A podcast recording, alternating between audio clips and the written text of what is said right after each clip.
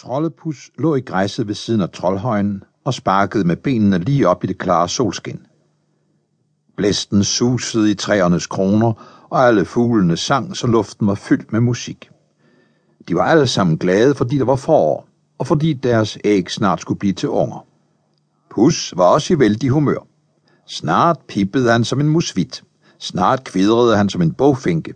Så fløjtede han som en stær og trillede som en drossel – men pludselig fik han lyst til at skære sig en rigtig fløjte af en pilekring. Ja, måske kunne han også lave en til Pussy Trollunge. Hun var så glad for legetøj. Han nåede lige at få rejst sig op, da et lille rødbrun dyr kom hoppende mellem højens slåenbuske og med et spring satte op på Trollepus skulder.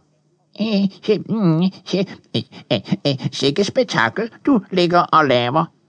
Gnækkede Rødtop løs og viskede pus om næsen med sin lange, buskede hale.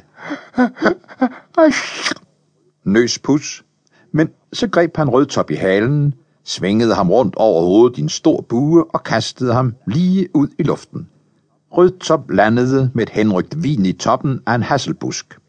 Der sad han lidt og gyngede frem og tilbage, inden han svippede ned på jorden. Og et øjeblik efter sad han igen på skuldrene af troldepus. Lad være med at kilde, sagde Pus. ja, ja vel, lå Rødtop. Jeg, jeg, jeg kommer for at spørge dig, om du er med ud i mosen i dag. Du har lovet, vi skal sejle derud sammen. Så sejler vi, sagde Pus. Der vokser en masse pilebusk langs åen, så jeg kan lave fløjterne derude. De lejede tage fat hele vejen ned til bækken, hvor Pus havde sit bakskib liggende. Hurtigt kastede de los og sejlede afsted med strømmen. Pus styrede, og Rødtop sad op i masten og holdt udkig. Pludselig hørte de en vældig skrigen og skrålen inde fra den store skoving. De lyttede ivrigt begge to. Af Rødtops øren blev næsten dobbelt så lange som til daglig, og hans knorhår strittede til alle sider. Pus styrede ind til bredden og fortøjede bakskibet til en busk, der hang helt ud over vandet. Vi må ind og se, hvad der er i vejen, Kom her, Rødtop. Og det var Rødtop svært ivrig efter. Han var altid nysgerrig og kunne godt lide, når der var sjov i gaden. Vips, sad han på skulderen af Trollepus, som nu svingede sin lille ønskestav i luften, og i samme sekund stod de begge to ved kanten af skovengen.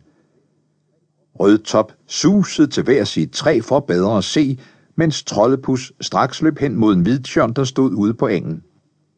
Han havde stukket en lille hvid pind i munden, og den gjorde ham usynlig for alle andre end lige netop trolde. Sikke dog et spektakel, de kraver lavede. Deres kampråb overdøvede alt andet. Mund det var uha-hu, den store hornugle, der havde været ude i dagslyset. Så fik den altid vældigt slæng af kraver efter sig. Om natten var de bange for uha-hu, men i klart dagslys, og når de var i flok og følge, følte de sig sikre. Og så hævnede de sig. Nu var Pus nået helt hen til hvidtjørnen. Kraverne sværmede omkring den både i luften og på jorden. Skaden Skrat sad øverst op i toppen og vippede med sin lange hale, mens solsorter og spurve skreg om kap. Mund, uha hu, havde gemt sig ind i tjørnen, Kravene hoppede hele tiden ud og ind under de tætte buske med stridende nakkefjer og skreg og kragede. Pus lagde sig på maven og kryb ind. Nej, det var ikke uha-hu, men en hvid fugl, som Pus aldrig havde set i skoven før. Den sad i et hul mellem to rødder, og den huggede tappert fra sig med et sylespidst næb, når kraverne angreb. Hus tog den hvide pind ud af munden, så kragerne pludselig kunne se ham. De nærmeste satte sig på halen af forbavselse. Hvorfor farer I løs på den sølle fyr der? spurgte han. Har jeres anfører, Krig Krar, befalet det? Nej, Krig Krar er ude over markerne, men den hvide har ikke noget at gøre her. Den er fremmed, og så skal den kanøfles, skreg kravene i munden på hinanden.